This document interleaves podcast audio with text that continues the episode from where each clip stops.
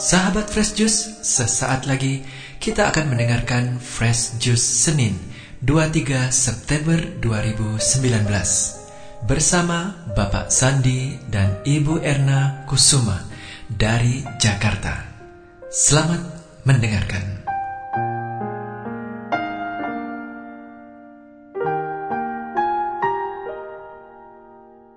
Pada pendengar dan pewarta dari Fresh Juice, hari ini kita akan mendengarkan dan merenungkan ajaran Yesus dalam perumpamaan tentang pelita dari Injil Lukas pasal 8 ayat 16 sampai 18 yang akan dibawakan oleh Ibu Erna Kusuma. Pelita ditempatkan di atas kaki Dian supaya semua orang yang masuk dapat melihat cahayanya. Inilah Injil Yesus Kristus menurut Lukas. Sekali peristiwa Yesus bersabda kepada murid-muridnya, "Tidak ada orang yang menyalakan pelita lalu menutupinya dengan tempayan atau menempatkannya di bawah tempat tidur, tetapi ia menempatkannya di atas kaki Dian supaya semua orang yang masuk ke dalam rumah dapat melihat cahayanya." sebab tiada sesuatu yang tersembunyi dan tidak akan dinyatakan, dan tiada suatu rahasia yang tidak akan diketahui dan diumumkan. Karena itu, perhatikanlah cara kalian mendengar, karena barang siapa sudah punya akan diberi, tetapi barang siapa tidak punya, apa pun yang dianggap ada padanya akan diambil. Demikianlah Injil Tuhan.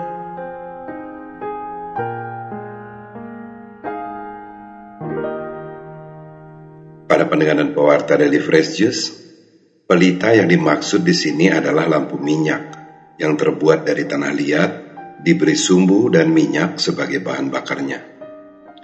Sekarang ini orang tidak lagi menggunakan pelita, menggantinya dengan lilin.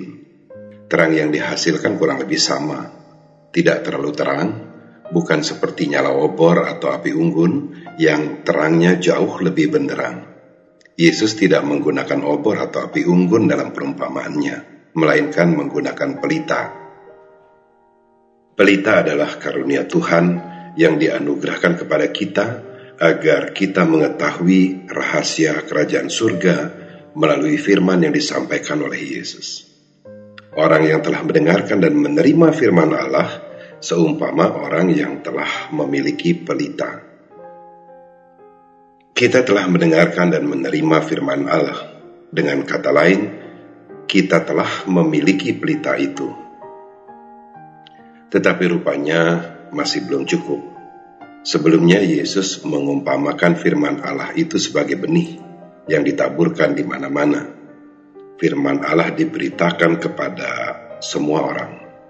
Siapa pun dia boleh mendengarkan dan menerima firman Allah.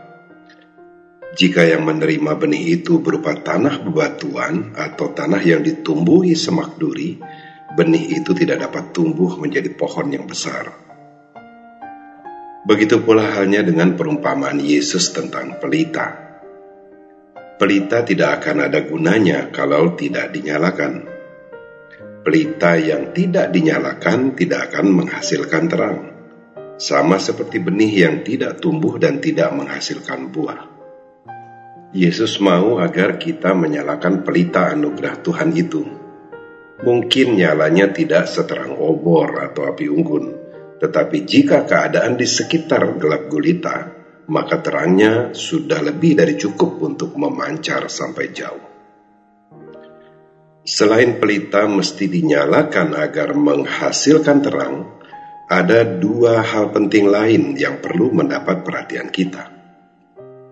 Yang pertama, dari Injil yang baru saja kita dengarkan, Yesus meminta kita untuk memperhatikan di mana pelita yang sudah menyala itu kita tempatkan.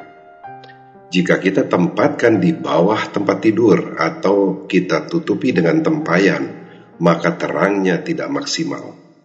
Agar terangnya memancar lebih terang dan lebih jauh, kita mesti menempatkannya di tempat yang tepat, misalnya di atas kaki Dian, agar terangnya tidak terhalang. Kemudian yang kedua, pelita yang sudah dalam genggaman kita itu semestinya mampu menyalakan pelita-pelita lain yang ada di sekitar kita.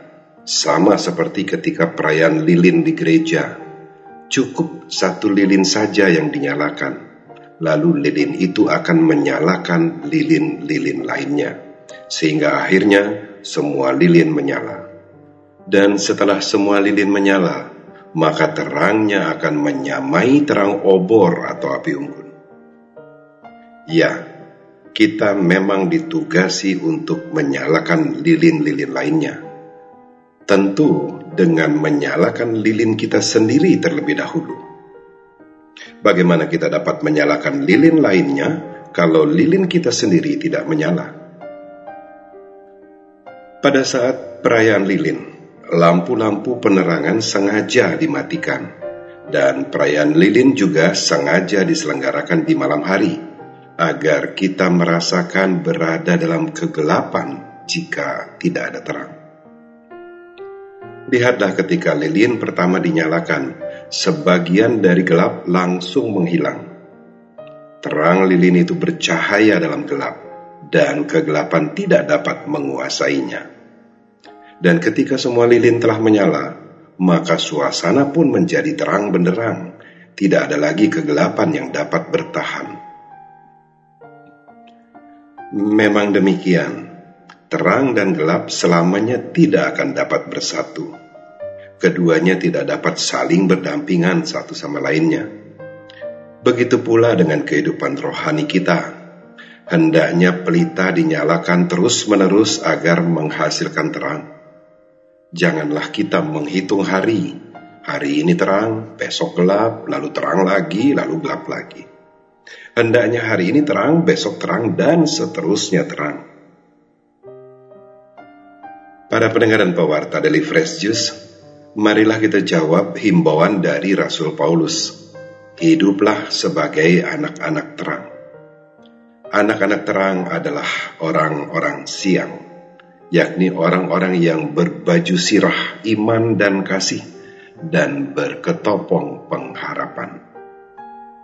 Marilah kita nyalakan terang secara terang-terangan, tidak sembunyi-sembunyi, agar apa yang dikehendaki oleh Yesus pun terjadi, seperti yang ditulis pada Injil Matius 5 ayat 16 ini.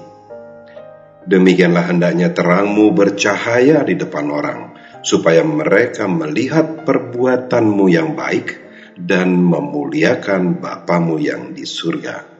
Amin.